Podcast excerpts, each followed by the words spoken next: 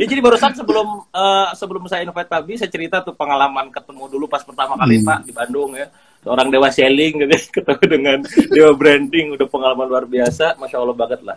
Dan juga teman-teman juga perlu tahu tadi ya saya bilang, uh, saya banyak belajar tentang ilmu brand, tentang ilmu membangun brand produk, brand perusahaan, termasuk personal sendiri gitu. Nah teman-teman sekarang kita langsung aja tanya-tanya deh Pak Bi ya. Pak, kalau udah ngomongin tentang UMKM nih Pak ya, karena saya juga hmm. banyak binaan di teman-teman gitu selalu mereka tuh tantangannya adalah gimana cara membangun brand yang apa namanya yang bisa melekat dalam benak orang lain yang gak cuma sekedar melekat tapi juga bisa terjadi penjualan repeat order gitu ya. Itu untuk pertanyaan selalu kayak mundur langsung banyak gitu. Padahal mereka sendiri kadang bingung emang brand naon? Emang apa ya. Itu basic banget pak gitu. Makanya mungkin perlu dikonfirm ulang sama Pak Bi jadi apa sih sebenarnya harus diperhatikan UMKM itu terhadap uh, apa namanya ilmu brand itu apa aja sih gitu? Gimana Pak tuh? Iya, ya jadi um, pertama-tama saya menyapa teman-teman dulu. Assalamualaikum warahmatullahi wabarakatuh. Wah. Terima kasih atas undangannya Kang Dewa nih luar biasa nih udah kangen ke ubun-ubun nih udah lama banget. Setahun kita apa nggak kopdar Pak? Kesibukan masing-masing dua-dua bukan Iya. Ya, jadi uh, saya ingin ingatkan teman-teman bahwa uh, jangan sampai keliru antara branding sama brand. Ya. Hmm. Ini dua hal yang berbeda. Jadi teman-teman suka menyamakan aja gitu. Padahal sebetulnya uh, ibarat orang lempar bola ke tembok, itu pasti mantul ke kita kembali.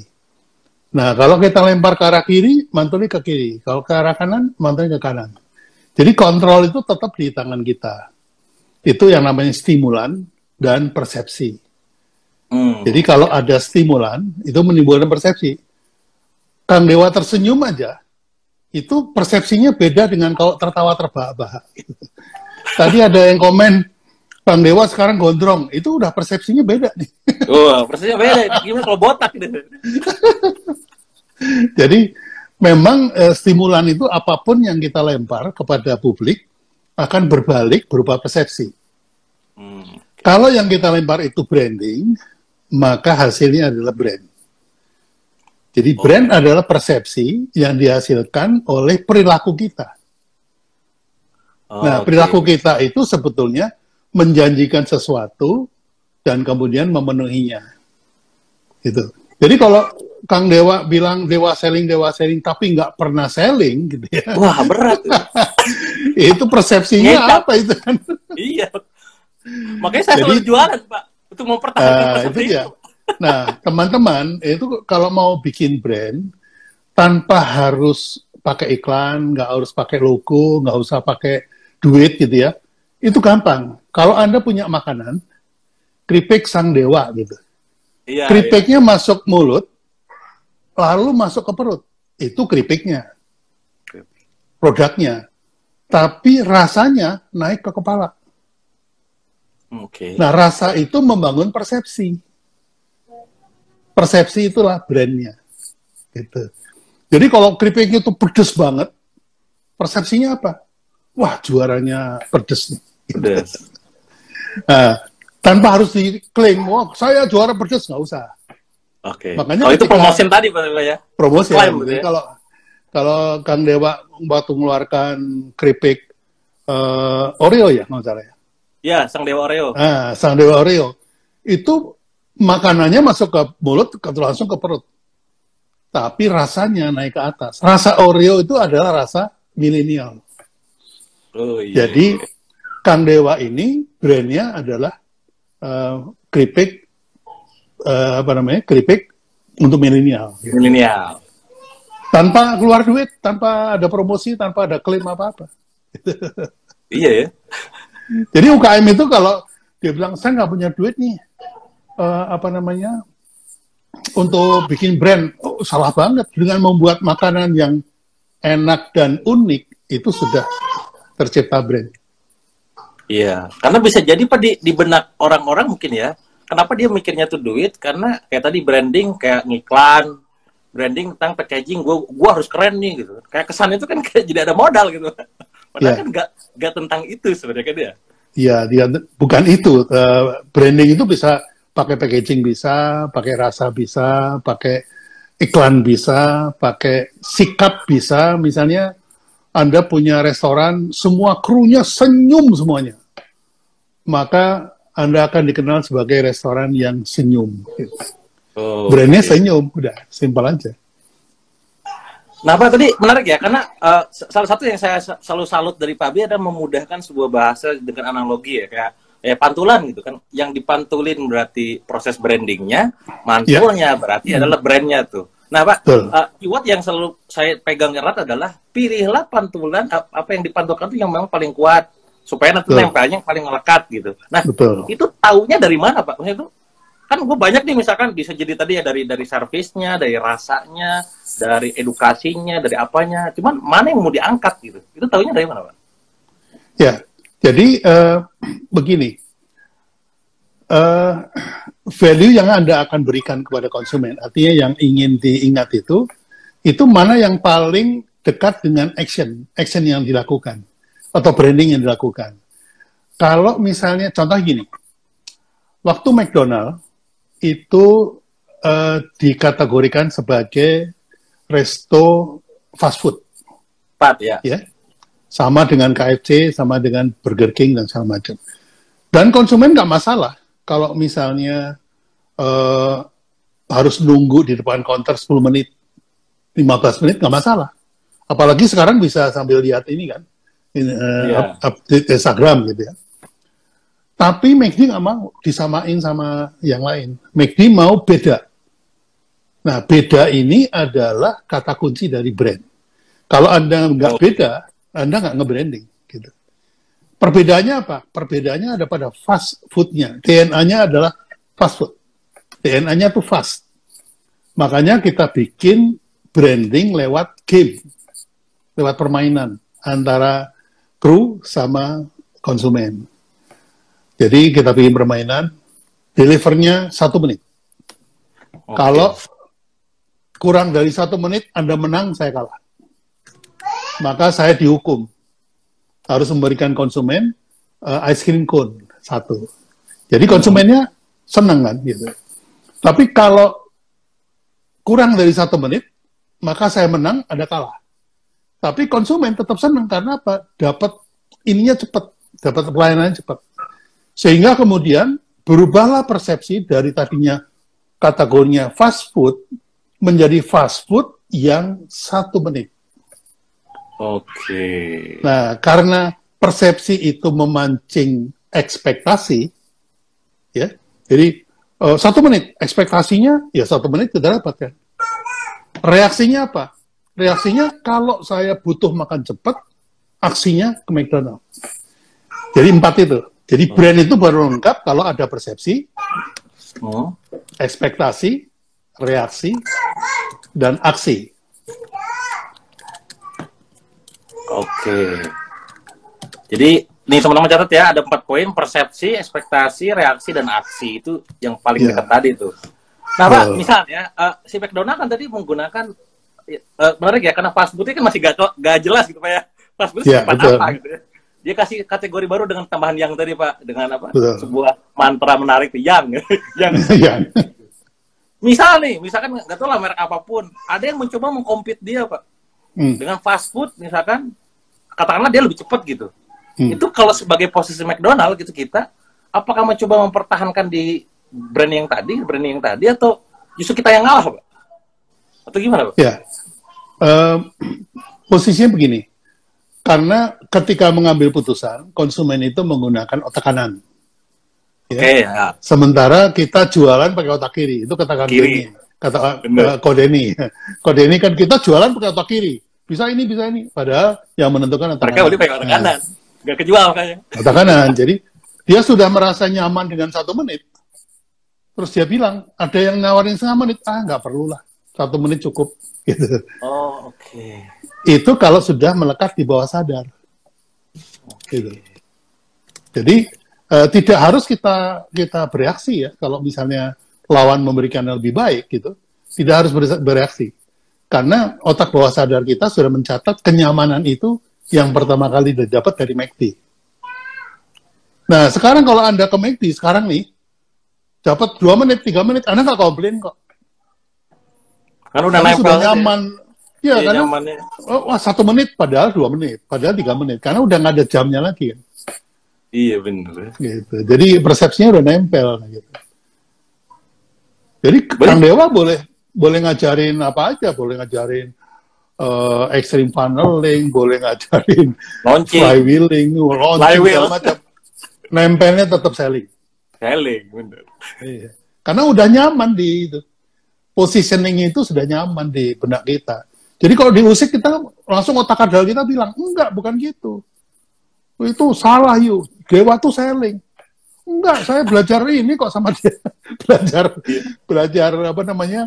uh, funneling sama dia. Enggak, selling udah. Nah, jadi akhirnya karena dibela, sudah ya? nyaman, dibela otak kadalnya yang keluar gitu. jadi otak kadal itu bisa dimanfaatkan dua. Yang pertama, informasi dari dari pesaing masuk ditolak. Ya. Atau informasi uh, setelah setelah kita menguasai bawah sadar, dia membela kita. Okay. Nah, itu gunanya bermain dengan triumph brain, uh, triumph brain uh, apa namanya uh, teori itu. Jadi ada otak kadal, otak human, sama otak mamal. Nah itu, mm-hmm. itu mainnya di situ aja. Uh, hari hari Selasa, hari Jumat saya janjian sama seorang psikolog dari Jogja tuh, uh, Mbak Analisa. Kita kan ngebahas ya. itu. Analisa, Iya, iya. iya. Berarti posisinya, Mbak, tadi Pak, kalau bicara tentang otak kadal tadi ya, bikin hmm. orang itu ibaratnya kayak malah ngebela gitu. Orang berarti kan udah itu kan sebenarnya hakikatnya brand itu ujung-ujungnya nanti jadi pembela setia itu kan Mbak ya? Kayak apa? Betul. Walaupun jadi, ibaratnya udah udah kayak irasional Pak ya, maksudnya kayak tadi ya. Ini menarik kasusnya. Ini kita gak usah ngomongin orang lain lah, khawatir nanti jadi omongan atau gibah atau gimana. Begini. Gitu. Ah itu tuh tuh ya. Yeah. Advokat kalau balik ya. Advokat. Nah. Ya. Terus. Nah tadi tadi kasusnya adalah ini? ah ini apa namanya si ini ya apa namanya Segodin ya siapa itu? Bukan, Nulisnya? bukan. Ini oh Mark Mark Orden. Oh, oh iya iya iya iya iya. iya. The, the messenger is the message. Jadi the messenger is message. Pesan itu bukan apa yang dikatakan, tapi siapa yang mengatakan. Siapa yang ngomong, gue gak peduli sih iya. apa, Pak. iya, jadi kalau misalnya contohnya nih Kang Dewa ngomong branding dan saya ngomong branding. Itu siapa yang mengatakan mana yang lebih dipercaya? Bener, bener, bener. Saya ngerti selling, tapi kalau saya ngajar selling, kalah dipercayanya sama Kang Dewa. Iya, iya. Karena ya, komen-komenan kita, Pak. Sama. Komen-komenan kita yang kemarin di apa statusnya Pak Bi itu loh, apa? Saya mencoba untuk tidak ngomongin branding dan keluar dari ini justru karena saya tahu tentang personal brand gue gitu. Betul. karena gue tahu kalau gue ngomong ini gue kalah sama Pak Bi gitu kan maksudnya. gue ngomongin selling aja konsisten. Jadi ingat, the, mes the, the messenger is the message. Iya, iya iya masya Allah keren nih catat teman-teman ya. Oh, ini makin ke sini makin banyak 900 sampai 1000 orang ini kayaknya. Masya Allah. Ini kayak Kang Dewa luar biasa manetnya. Pak, pertanyaannya mungkin juga sama tuh di antara teman-teman. Itu tadi kayak hmm. nempelin proses message-nya di kepala orang itu butuh waktu berapa lama tuh Pak biasanya, Mbak? Kalau makanan cepat gitu. Oke. Begitu gigitan pertama, udah langsung, ah, gue balik lagi. Oke. Berarti kalau Begitu. buat teman-teman sekarang yang bisnisnya makanan, sebenarnya udah kayak makanan itu wajib wajib tidak apa tidak ada kompromi harus harus enak di mata konsumen gitu ya posisinya. Karena kalau enak enggak bisa tolak. enak dan unik. Oke okay, enak dan unik catat. Enak ya. plus unik ya. Kalau enak doang ya itu kewajiban. Kalau nggak enak iya. jangan dijual. Iya bener. Kalau bahasanya tuh, saya, saya, saya ada salah satu bisnis pak yang apa namanya, salah satu divisi produk kami itu menggunakan istilah yang Pak Bi bilang gitu. Kita tuh pokoknya, ah ini, pokoknya kita hmm. kudu bikin produk yang must have. Wah, bahasanya hmm. udah kayak gitu. Kalau cuma sekedar worth it, ya orang juga bisa bikin gitu. Nah akhirnya kita yeah. mungkin kenapa alhamdulillahnya itu setiap kali launching habis habis lima menit habis hmm. gitu. Ya karena teori tadi itu sebuah model yeah. yang wah keren jadi ada uniqueness-nya, ada bedanya itu. Masya Allah. Betul, ya. betul, betul. saya merhatiin kok, saya perhatikan. Oh, aduh ya, saya kepoin. saya kepoin terus. Tapi menurutnya gini Pak, kan kita nih ibaratnya uh, personal brand kah atau produk brand kah, kan yang nilai orang lain tuh. Karena hmm. kalau kata Pak bilang hakikatnya sebenarnya brand itu milik orang lain, maksudnya orang yeah. lain lihat kita nih kan. Hmm. Cuma kan tadi ya, ini tuh bisa mikir gini karena kita gitu ya. Benar ya? Hmm. Ya. Nah, bagaimana seandainya kalau misalkan nih orang mempersepsikannya tuh sebaliknya, gue pengennya A, kok orang mikirnya B ya gitu. Nah ini gimana pak? Hmm. gue ngikutin dia tuh, dia harus ngikutin gue. Gimana tuh? Jadi uh, begini, uh, jangan lupa bahwa otak manusia itu lentur ya. Jadi bisa dibolak-balik. Oke. Okay. Bad news itu extended good news.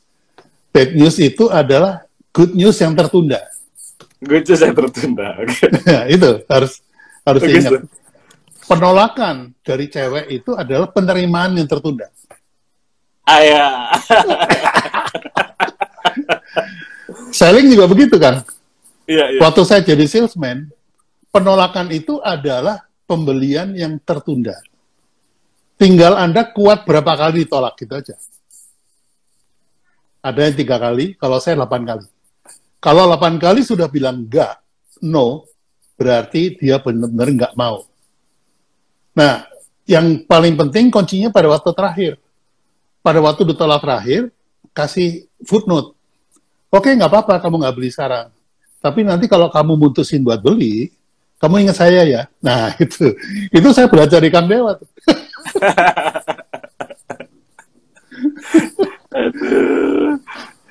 Jadi ini teman-teman uh, ini udah itu untuk pertanyaan saya kan saya udah beberapa kali ya dengan dengan Pak Bil live gitu. Hmm. Ada pertanyaan tentang mana yang duluan itu nanti tonton aja di YouTube-nya saya atau di, di YouTube-nya Pak Bil udah banyak tuh. Jadi udah jelas posisinya kayak gimana. Ini saya tanyakan tuh benar-benar isu-isu baru gitu ya. Nah, termasuk juga tentang ini Pak, keadaan misalkan ketika apa ya, apa namanya? uh, distributor nih, distributor. Kondisinya mungkin saya mewakili teman-teman yang sekarang posisi reseller distributor agent gitu. Ketika saya memutuskan jadi distributor, kan saya menerima banyak vendor tuh supplier, katakanlah dari A, B, C, D, E gitu, merek-merek yang lain gitu, set masuk. Terus saya punya toko gitu ya. Terus saya pribadi sebagai personal. Nah, supaya saya bisa unggul dalam artian bisa mempertahankan customer, bisa grab akuisisi customer baru. Dari tiga komponen ini, yang mesti di branding itu, yang dikuatin itu apakah tokonya, apakah produknya, tapi kalau produknya kan produk orang lain maksudnya. Apakah ya, personal? Itu gimana, Pak? Keputusan mana yang harus gue naikin nih gitu? Ya. Jangan lupa bahwa orang membeli itu karena percaya. Ya. Jadi saya beli Kelas, ya. bukunya ya. Kang Dewa itu dari berapa? 28 atau ya. 18 ya. Saya mungkin 12 sudah beli itu. Bukan karena isinya, karena Kang Dewanya. Karena Kang Dewanya. ya. Jadi itu yang harus kita ketahui, harus kita ketahui. Orang membeli itu karena percaya pada orangnya, kah? Atau percaya pada produknya, kah? Atau percaya pada tokonya? Oke.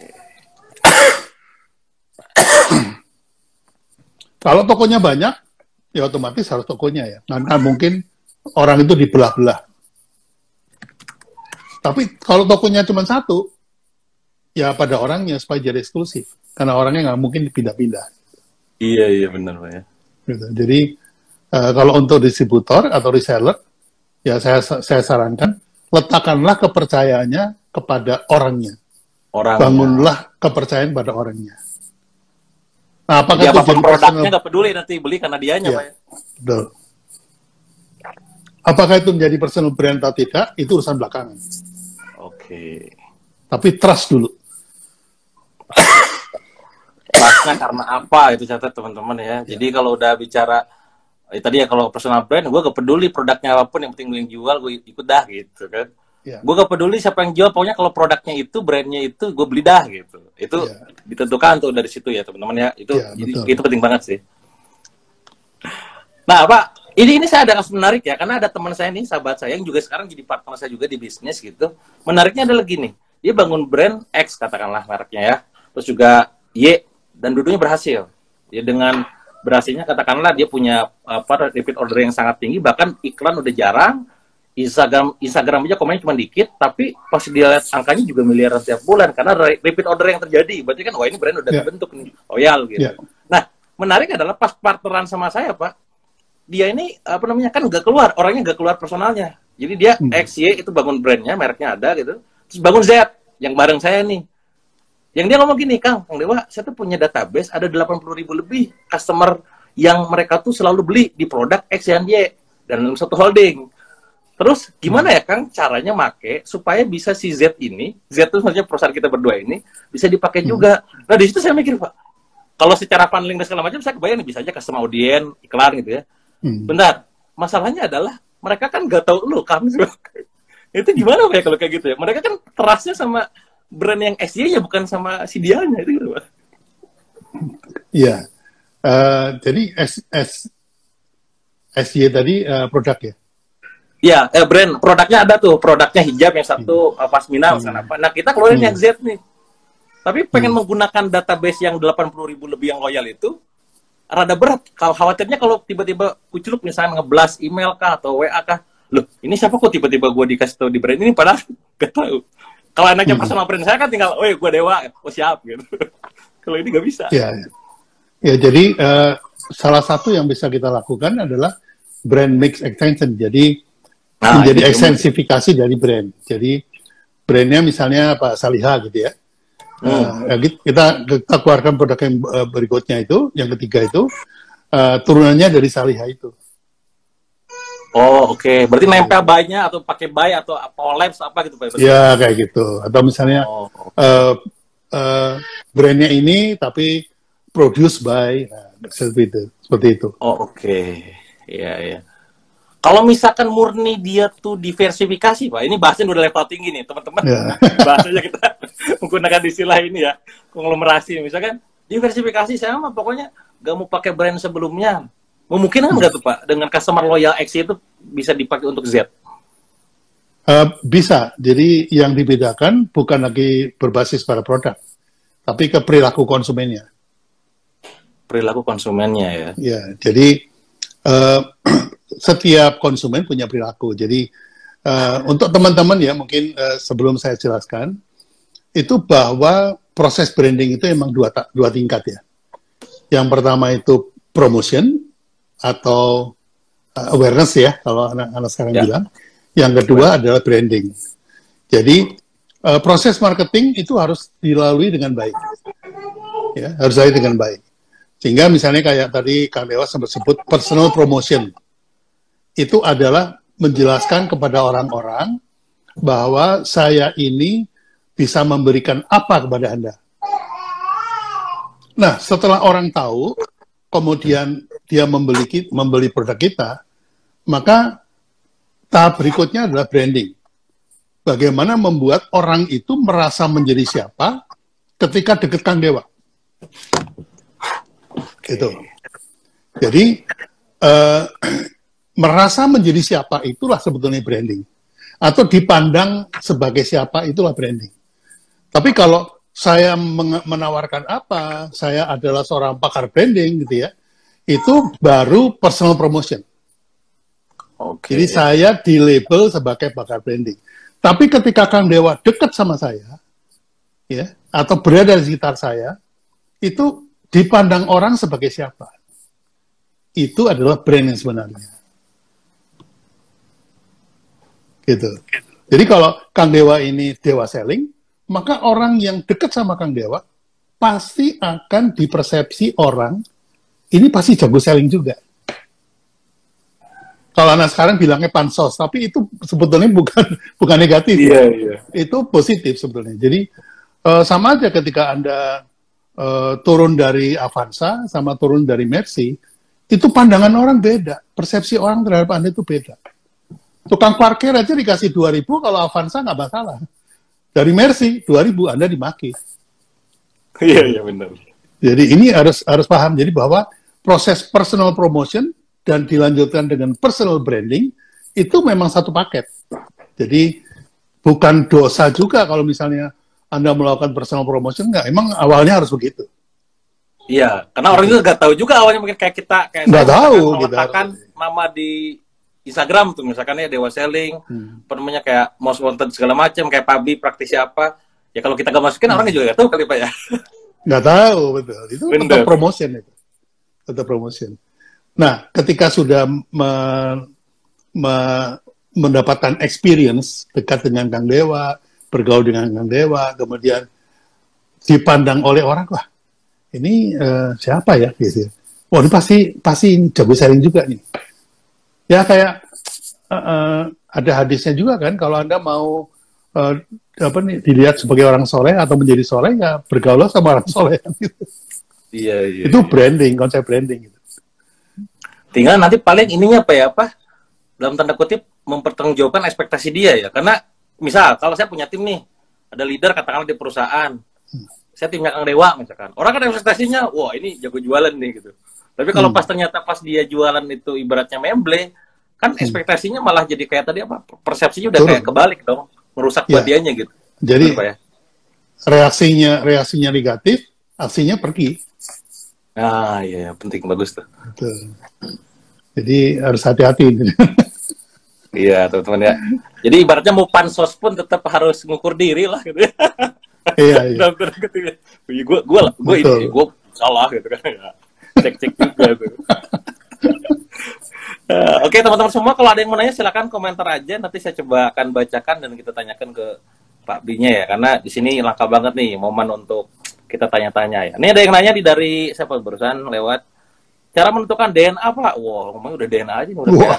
udah, ikut, udah ikutan workshop nih kayaknya nih ya. Udah kelas berat. baca barusan bedah saya tuh. ya, dan teman-teman ini harus tahu bahwa Kang Dewa ini eh, karena jam terbangnya sudah cukup panjang dan karena orangnya cerdas jadi nggak perlu jam terbang panjang gitu ya. Ada orang yang udah terbangnya panjang tapi nggak bisa-bisa itu juga ada. Tergantung kapasitas tuh. Jadi Kang Dewa ini menurut saya kalau Anda sekarang jualan jualan makanan gitu. Anda bilang, "Teman-teman, ini jangan dibeli ya. Ini nggak enak." Orang itu masih masih beli loh. Itu, itu levelnya udah di atas dewa itu. Udah ta dikasih tahu barangnya nggak enak. Jangan dibeli, masih dibeli. Nah, itulah Kang Dewa. Berat.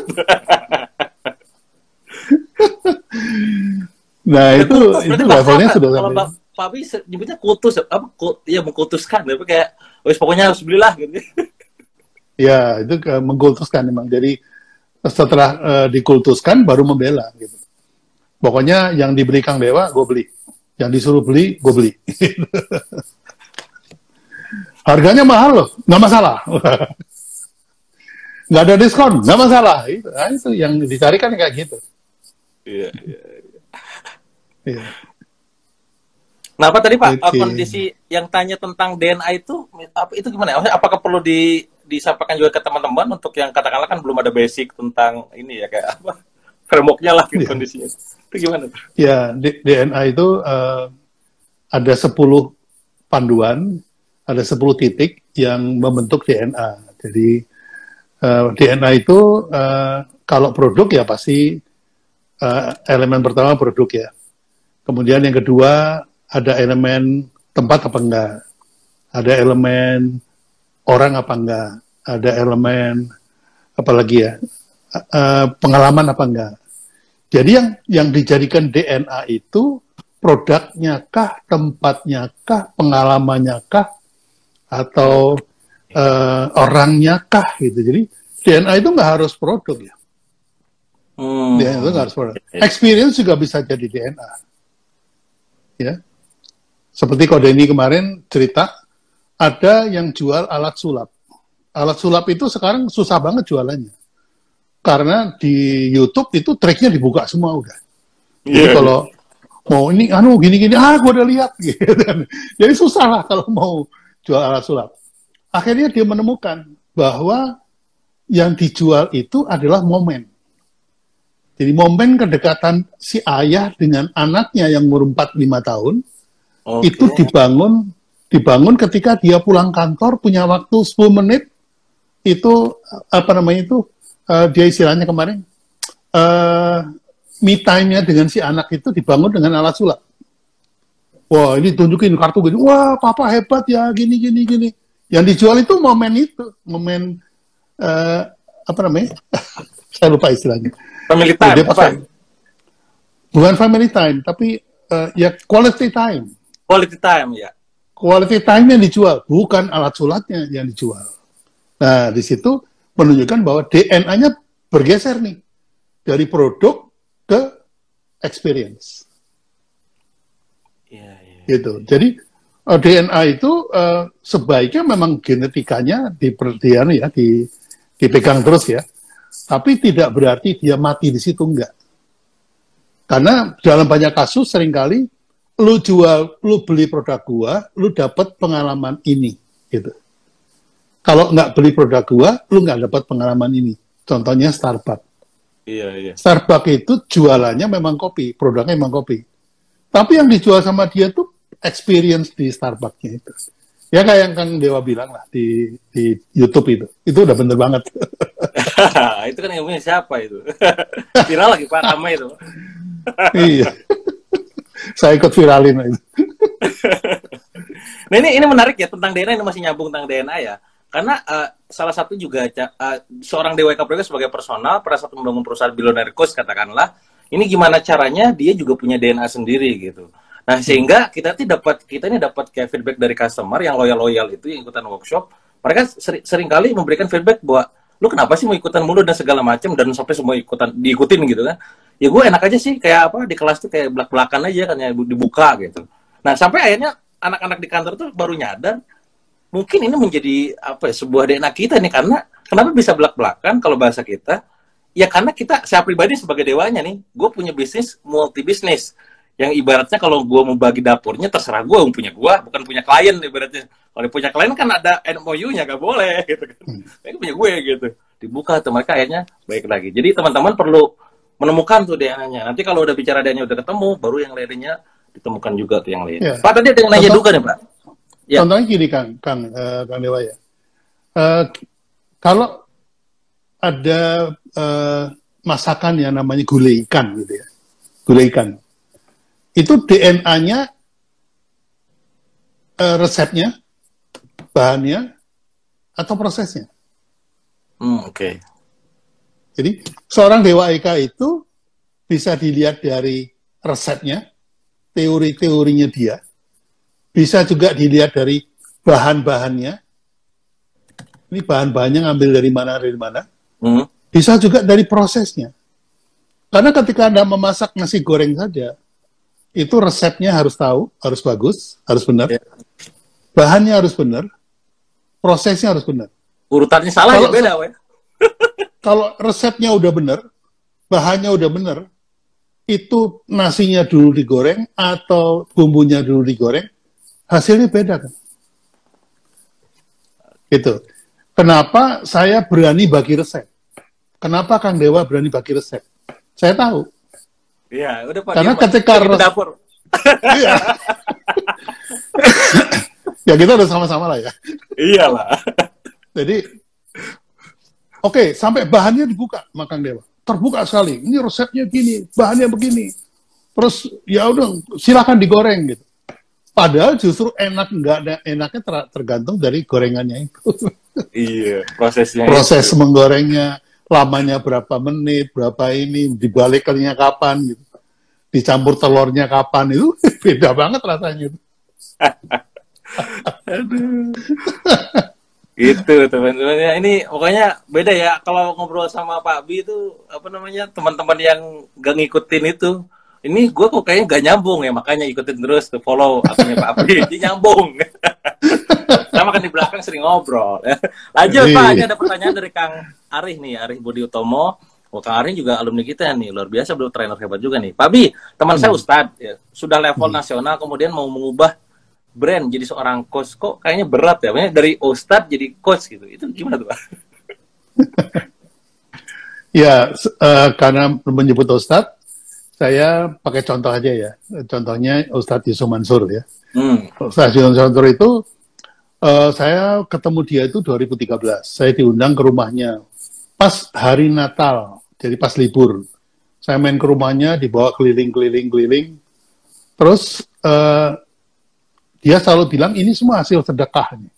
Sedekah-sedekah. Sehingga persepsi saya tentang Yusuf Mansur adalah Ustadz yang sedekah jadi Yusuf Mansur, Musa Mansur itu kategorinya ustadz, tapi DNA-nya sedekah. Gitu. Ya, ya. Nah, udah muter-muter-muter, udah makan siang segala macam, dia tanya, Pabi, uh, Pabi kan pernah bikin presiden. Kira-kira saya bisa nggak ya jadi presiden ya? Gitu. Terus saya bilang, uh, ya kalau nggak presiden, oke presiden lah, dia bilang gitu. Saya bilang gini, uh, presiden itu perlu ilmu banyak. Pembantunya aja 34 menteri. Gitu. Meskipun pekerjaannya cuma satu. Presiden itu pekerjaannya meletakkan Indonesia di peta dunia. Kerjanya cuma satu. Tapi dia butuh 34 pembantu. Artinya, kalau Anda mau jadi presiden, Anda harus punya ilmu paling tidak separuh dari 34 itu. Dan cara memanage harus tahu.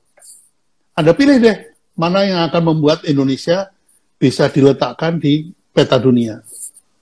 Oh gitu ya. Nah, terus itu ada petren lah, ada apalah, ada apa, ada apa segala macam.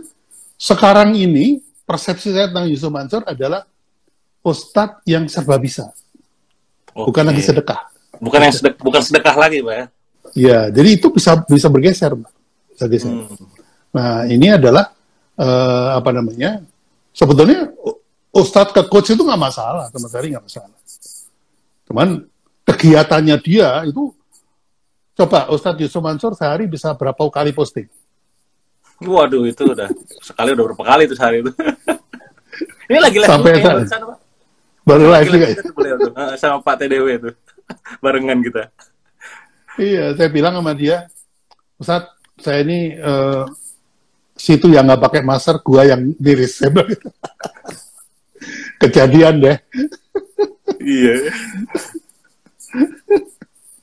Ya, alhamdulillah sekarang udah sehat juga beliau, uh, beliau udah, Pak ya. Sehat, nah ini sehat. ini ini ada nanya lagi nih Pak. Ini menarik karena mungkin terjadi juga sama teman-teman yang terutama yang udah secara apa ya terasa udah mulai berkurang dari Wina Yu Anita. Uh, kalau persepsi hmm. pertama konsumen gagal dalam artian produknya tuh jadi jelek gitu ya di di mata dia berarti persepsi udah jelek. Gimana cara membangun kepercayaan kembali Pak? Berarti udah kayak apa ya? Rusak gitu ya. Udah kayak ya gitu ya. Hmm. Ekspektasinya segini, dapatnya segini. Ya, uh, balikinnya tuh gimana Pak? Ya, yang yang paling bagus itu menghilang dulu ya, menghilang dulu, oh, okay. kemudian kembali dengan format baru. Gitu. Menarik nih ya. Ngilang ya. dulu, balik lagi dengan format baru ya. Nah, uh, it, ini adalah teori frekuensi sebetulnya. Jadi orang itu pada pertemuan ke-13 itu akan bisa cerita detail tentang orang tersebut. Pertemuan ke-13 ya. Jadi saya sering kasih ilustrasi di kelas itu, uh, Kang Dewa mau berangkat ke kantor,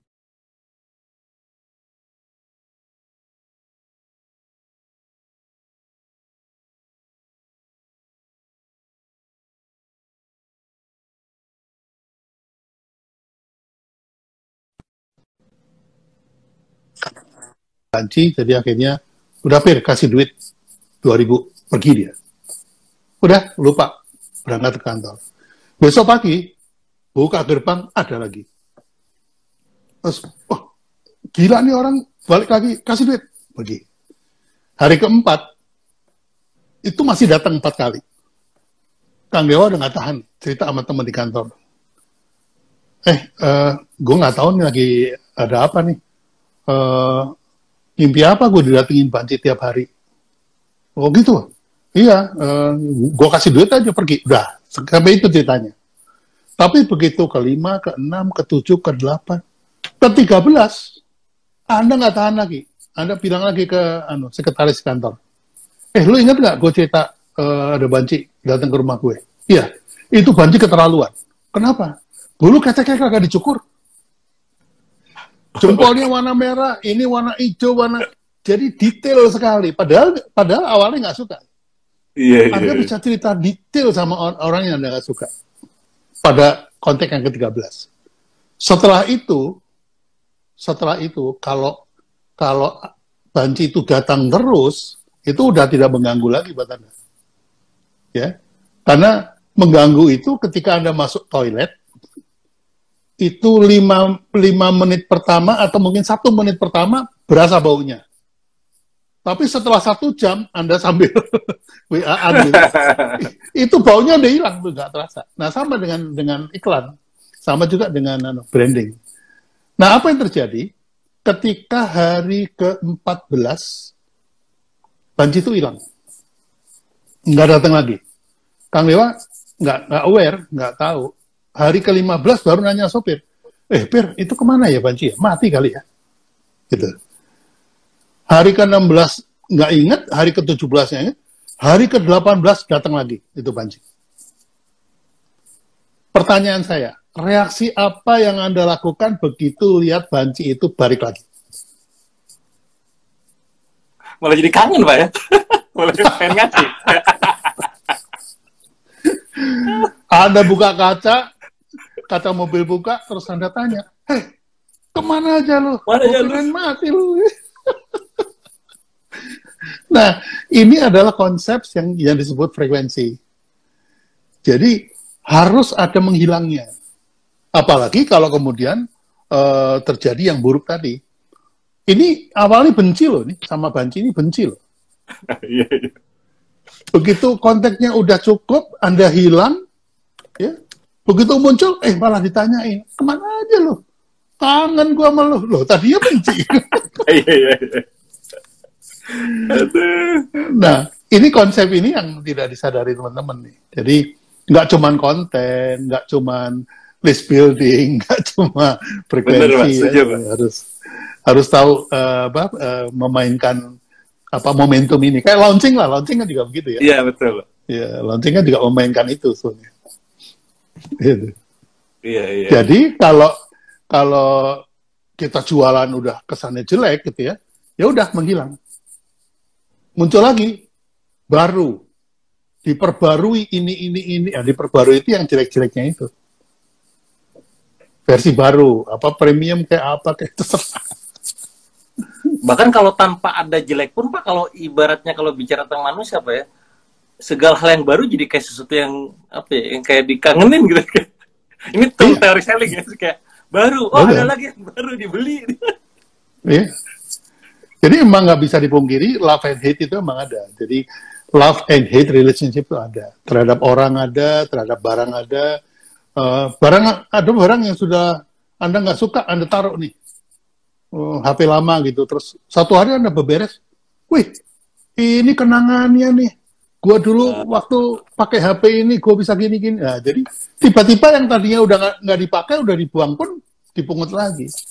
Jadi memang ada love and hate relationship ini harus bisa dimainkan. Ini harus dimainkan. Iya, iya, iya. Menarik ya. Ini teman-teman ini ilmu banget nih, daging banget nih. Banyak yang request minta untuk di save nih live-nya. Ya, doain aja oh, lupa ya.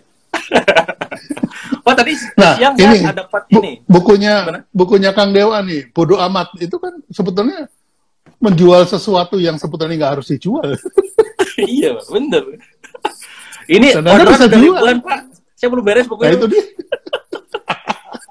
Seperti biasa. Seperti biasa. Seperti biasa. Kalau nggak gitu bukan dewa. Bukan dewa. Itu memang brand kita. Itu. Kalau kalem-kalem aja biasa lah. Itu itu keluar dari brandnya itu. Aduh, kacau, kacau. Yeah. Jadi tadi ada yang nanya pas siang, Pak. Nanya gini, ada yang nge-DM ke saya tuh apa pas saya bikin, hmm. ada yang meneliti pertanyaan buat Pak Bi gitu. Dia nanya gini, e, Kang, apakah branding itu selalu selalu berawal dari permasalahan konsumen gitu? Karena kayak ada dualisme, ada yang ber, ada yang bilang bahwa itu selalu dari market, dari masalah. Ada yang bilang bahwa enggak, gue pengennya gini gitu. Karena saya bikin brand nih kemarin pada saat bikin brand baru ya merek baru untuk uh, produk baru kita, hmm. kita tuh berawal gak dari masalah gitu. Kita bikin dari gue yeah. pengen yang ini dari gini gini gini. Om Bu caranya marketing, mau gue cari marketnya. Nah itu yeah. itu gimana Pak? Tanggapannya Pak? Ya, yeah, jadi uh, uh, kalau kita berangkat dari produk kategori, itu harus harus kita lihat bahwa kategori ada itu karena ada yang butuh, karena ada yang butuh. Karena uh, apa namanya tidak ada disiplin marketing yang mengatakan bahwa marketing itu adalah menyelesaikan masalah, bukan. Marketing itu adalah demand creation, menciptakan demand, menciptakan kebutuhan dan keinginan. Kebutuhan. Karena uh, ya permintaan itu datang dari kebutuhan dan keinginan. Yang butuh dibikin ingin, yang ingin dibikin butuh, gitu kira-kira gitu. Nah, setelah itu terjadi, masuklah pasukan selling. Set. Untuk harus beli sekarang. Ya, harus beli sekarang, jangan besok. Gitu. Karena besok bakal kehabisan, bla bla bla Ya. besok uh, Senin naik. Gitu. Nah, setelah itu baru pasukan branding kerja. Supaya orang itu beli lagi gitu. Beli lagi. Jadi beli branding lagi. itu sebetulnya tujuannya untuk supaya beli lagi. Gitu. Bukan untuk jualan produk. Jualan pertama itu dengan dengan marketing. Create demand dan uh, ini dan apa namanya? Uh, dan need ya, need and yeah. want gitu. Nah, ada teori juga yang mengatakan kalau produk kamu mau dibeli orang, maka berangkatlah dari masalah. Gitu. Masalah konsumen itu ciptakanlah produknya. Gitu. Tuh. Hmm. Uh, sehingga karena masalahnya real, maka produknya pasti dibeli. Gitu.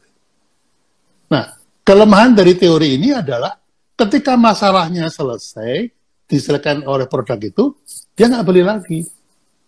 Padahal goalnya brand branding adalah supaya beli lagi gitu. Beli lagi, beli lagi, dihilangkan. Makanya saya tidak berangkat dari masalah. Okay. Saya berangkatnya dari perilaku. Dari habit, perilaku, ya. dari ya. ritual harian gitu.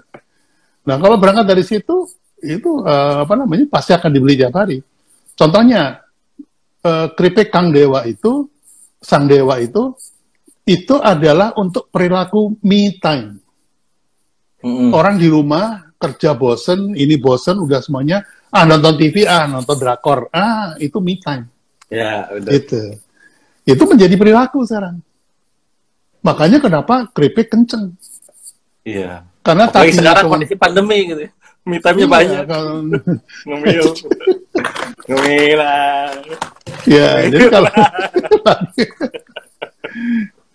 Jadi eh, banyak banyak masab ya, tapi saya termasuk yang eh, tidak bukan termasuk yang demand follower ya, tapi hmm. saya termasuk yang demand creation. Jadi menciptakan demand, gitu. menciptakan demand itu pekerjaan dari marketing. Ya. Nah setelah demand jadi, udah terjadi transaksi, mengubah transaksi menjadi persepsi itu urusan branding. Branding. Iya. Yeah. Nah dari sini saya dapat quote bagus ya. Apa hubungannya marketing sama branding nih teman-teman ya. Ada quote yang bisa ini keren banget sih marketing branding. Hubungannya apa sih kang? Marketing itu tadi tentang kebutuhan kan. Jadi kalau ibaratnya dihubungkan, brand itu gimana mengubah butuh jadi betah gitu. keren keren. ya diksinya kan gitu. Yang butuh yang butuh marketing kan. Nah, itu. Betahnya sang dewa lagi. Tuh. ya, gue penulis betul, betul, betul. Penulis dan satu. Gendeng. Ah. Kalau nggak gendeng, nggak bisa begitu. Iya, iya. Kalau saya ini baru mas... separuh, baru separuh gendeng. Ini orang-orang masih pada stay aja pas 970 orang, luar biasa, udah sejam. Masya Allah. Kang Dewa manetnya luar biasa. Masya Allah. Ya. Pak ada ada apa apa gitu kelas atau workshop terdekat? Offline mah belum ada ya. Saya besok baru pertama kali pada first kayaknya di Bandung tuh. Bismillah. Saya belum berani. Kalau kalau offline belum offline, berani ya? karena karena uh, banyak yang mengatakan ini yang tahun ini keluar strain baru ya. Hmm. Strain baru itu uh, lebih ganas lah gitu. Iya, lebih iya. cepat penularannya. Jadi makin takut saya keluar.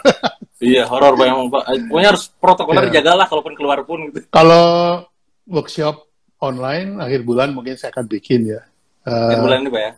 Ya, tapi saya kolab sama anak saya. Hmm. Uh, kita akan bikin tentang rebound. Jadi teman-teman yang bisnisnya turun tahun 2020, kita kasih checklist, checkpoint, bagaimana cara mengungkit kembali naik ke atas. Wah, Jadi, mantap itu. Itu, itu, itu banget tuh. Buat itu orang, ya. orang-orang ini ya. Orang-orang yang drop hmm. kemarin. Wah itu. Itu tanggalnya ya, belum ada tapi, belum ada pasti pak ya? Tanggalnya? belum belum. Saya masih masih ah nanti ikutin akhir, aja ya akhir, kalau kalau ya. waktunya Pak Bi nanti informasi tentang jadwal-jadwal beliau juga ilmu-ilmunya pokoknya mantap lah konsisten dengan uh, dunia itu nah, ya dunia perbrandingan. Saya Gimana? sudah sudah bikin saya sudah bikin uh, member area hmm. untuk branding, marketing, selling, elementary. Elementary okay. itu basic banget lah. Kalau waktu kita bikin workshop itu, yang waktu hmm. Kang Dewa uh, hari, uh, selenggarakan itu, berapa hari yang empat hari ya, itu itu di atasnya. Iya, iya. Ini yang di bawahnya lagi, jadi yang betul-betul kayak lemparan bola, terus persepsi itu basic banget lah. Itu sudah ada kalau mau kalau mau uh, login itu masuk ke bmselementary.com. Oke. Okay. bmselementary.com. Monggo teman-teman ya. Kan nanti deh di, di share juga tuh di story ya, ngetin. Coba ketik sini ya. Ini ini saya ada ini ya, ada ada ada salah satu bocoran mungkin nanti bisa di ini lah ya sama waktu saya belajar dari Pak Bi tentang marketing selling branding, branding marketing selling. Ini ilmunya powerful banget lah pokoknya. Nanti sama Pak Bi yang sambil ngetik ini ya yang barusan alamatnya. Ah, Oke, okay. ini ini uh, sebagai ini aja sih. Bagi banyak teman-teman yang ah, ini saya coba pin komen, sorry. Mm -hmm. oh, yes. BM ini BM S. Uh, S ya BMS ya. ke bmselementary.com. Nah itu mampu ke situ aja deh hmm. ya. Ini salah satu ya, bocorannya itu... nanti. Nah ini nih, wah ini keren banget nih salah satu slide Pak Bi yang ini jadi pembahasan kami di internal di perusahaan. Pokoknya mah ini keren banget lah. Ini itu uniknya Pak Bi ini selalu bisa membuat bahasa menjadi mudah, uh, definisi menjadi sebuah yang ya gimana caramu how to-nya kalau apanya juga jelas gitu Pak. Ya. Tapi begini Kang Dewa. Ini ini marketing selling gitu. Kalau gue bisa nagih gitu. Yeah. Leader, Pak. Owner harus nagih. Owner. Iya. uh, Kang Dewa harusnya sudah sampai level uh, apa namanya? business valuation ya. Wah, Masya Allah. Uh, divaluasi bisnisnya dan brandnya harus divaluasi juga. Itu iya, nanti iya. kapan-kapan kita ngobrol lah. Iya, Pak. Itu Pak betul juga. Iya. Masya ya. Allah ya. Ah, ini Terus, gak terasa uh, sejam juga nih teman-teman ya. Iya luar biasa. Pertanyaan masih banyak yang masuk. Cuman nanti nantilah kapan-kapan kita coba uh, bahas lagi kita live lagi. Minggu depan kita cari waktu pak. Gantian pak ya? Nanti ya boleh boleh boleh boleh. Gue yang dikulitin. Ya, um, uh, apa namanya uh, saya cuma ingatkan teman-teman ya. Uh, supaya tajam melihat anu melihat persoalan teman-teman UKM ini. Kita tuh beranggapan bahwa teman-teman UKM itu punya kemampuan semuanya jadi produksi bisa, kemudian marketing bisa, funneling bisa, macam-macam. Yang mana sebetulnya kalau bicara produksi itu UKM itu udah paling top ya. Saya berani membuat statement bahwa tidak ada satupun korporat yang mengalahkan UKM di dalam rangka membuat produk uh, warisan budaya. Jadi kalau yang namanya rawon itu yang enak ya di Pasuruan. Kalau di BSD itu nggak enak. Ya. Kita apalagi kalau dibuat oleh korporat. Karena saya pernah bikin Indomie 42 macam rasa, soto dari Aceh sampai Papua, Wah. tapi nggak pernah bisa ngalahkan sotonya Cakman, sotonya Cakno nggak bisa, sotonya Cahar. Karena apa? Karena mereka pewaris tunggal dari warisan budaya ini. Kalau itu udah nggak no question lah kalau teman-teman UKM itu jagoan di situ. Nah, itu ibarat kiper, itu pemilik bola. Tapi kalau bolanya dikekep, di, di, dipegangin terus, bola itu nggak bergulir. Padahal bola ini harus bikin gol. Yeah. Produk ini harus bikin sales kan gitu. Yang dibutuhkan apa? Dibutuhkan itu gelandang-gelandang tengah. Makanya lahir Maradona, kemudian Cristiano Ronaldo, Mario Messi. Kempes, Messi, dan segala macam. Jadi yang dibutuhkan teman-teman itu Kang Dewa sudah melakukan yaitu menciptakan pemain gelandang yang membantu jualan supaya masuk ke gawang gitu.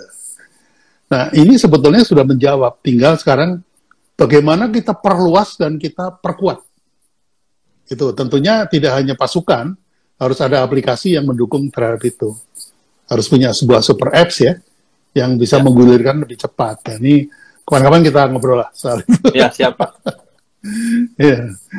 Jadi uh, untuk teman-teman yang mau apa namanya uh, mendownload atau mau ikutan workshop yang BMS Elementary, saya sarankan banget karena kalau saya ditanya yang elementary itu kadang-kadang suka suka sebel gitu. iya iya. Sama pak. Alah lu nanya gitu doang nanya. Gitu. oh, ini udah udah ganti dekade nih udah 2021 nih. Iya iya, iya. itu 2020 ke sana boleh lu nanya itu. Sekarang nggak boleh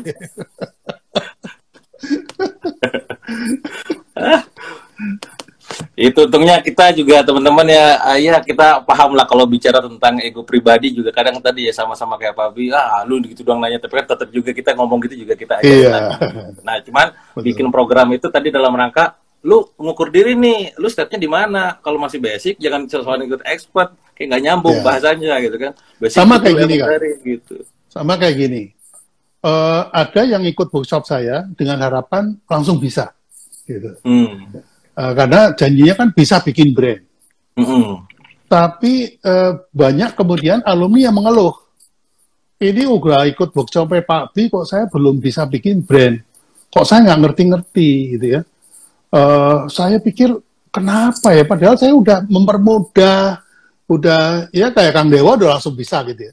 Hmm. Tapi yang lain-lain itu kok katanya susah, nggak nyambung, loading, uh, loading lambat. Gitu. Lalu saya ketemu Kang ternyata. Apa itu, Pak? Bahwa yang saya ajarkan di workshop itu bukan teori. Tapi model. Model. Tadi yang Tadi. Kang Dewa ya. bilang. Itu mindset. Ini adalah saya bercerita langkah-langkah saya ketika bikin brand. Ya. Lah kalau kalau saya ajarin langsung bisa, nanti ada seribu subjektor. Benar, benar. ya kan, jadi Uh, makanya ya kemudian tadi resepnya bisa saya bagi, bahannya bisa saya bagi, prosesnya saya kasih tahu, tapi rasanya tetap nggak sama. Itu dia. itu magicnya di situ lah. Kalau kata ya Seth Godin kan magic, magicnya di situ. Iya. Loh, saya kan saya kan ngikutin uh, apa namanya produk launchnya kan Dewa kan. Iya. Gini dulu Pak B, gini dulu, gini dulu udah gitu habis ini gini gini gini tapi hasilnya tetap gak sama sama Kang Dewa. Gitu. saya harus ngaku itu. Harus ngaku itu. Ada magicnya. Ilmu bisa dipelajari tapi proses bisa dipelajari tapi hasil tetap nggak nggak nggak bisa sama. Iya iya iya. Nah salah satu juga apa tips buat teman-teman semua yang UKM tuh ya supaya gampang nempelnya di kepala ini mungkin juga tadi Fabi Kang Dewa cepat gitu ya. Karena saya merepetisikan hmm. ilmu yang dipelajari. Jadi misalnya ya udah nonton video ini nih, udah nonton nih kan, di save, katakanlah sampai saya di save, besok coba atau sebelum tidur nanti bikin resumenya ya, supaya lebih ingat lagi, dicatat ulang, di share di story, mention kita-kita, besok ajarin lagi. Mengajarkan itu bukan berarti kita udah jago, justru sebagai reminder yeah. sistem bahwa, oh gue kemarin malam belajar sama Kang Dewa dan Pabi tentang ini, diajarin ke timnya hmm. gitu. Itu cara yeah, saya betul. belajar. Jadi, monggo teman-teman bisa dicoba juga tuh. Betul, betul. Ya, setuju, setuju. Wah, Masya Allah. Pak, nanti kita selalu minggu depan, Pak ya. Coba kita kontak-kontak. Minggu depan, siap. Ya, nanti Habis kapan jadwalnya kita... kita mainkan ya. Kita bikin kolaps lah, apa kayak gitu, biar sering-sering ketemu. Ini kangen juga nih kalau... Ayo, ayo, siap, siap, siap. Nanti kontak-kontakan aja, Pak. Kolaps apa? Iya, ya. siap, siap. Ya, Masih banyak, Pak ya. Salam buat Ibu eh, ya, dan sama-sama. yang lain. Sama-sama. Yuk, Assalamualaikum. Ya. Baik, saya pamit ya. Assalamualaikum ya. warahmatullahi wabarakatuh.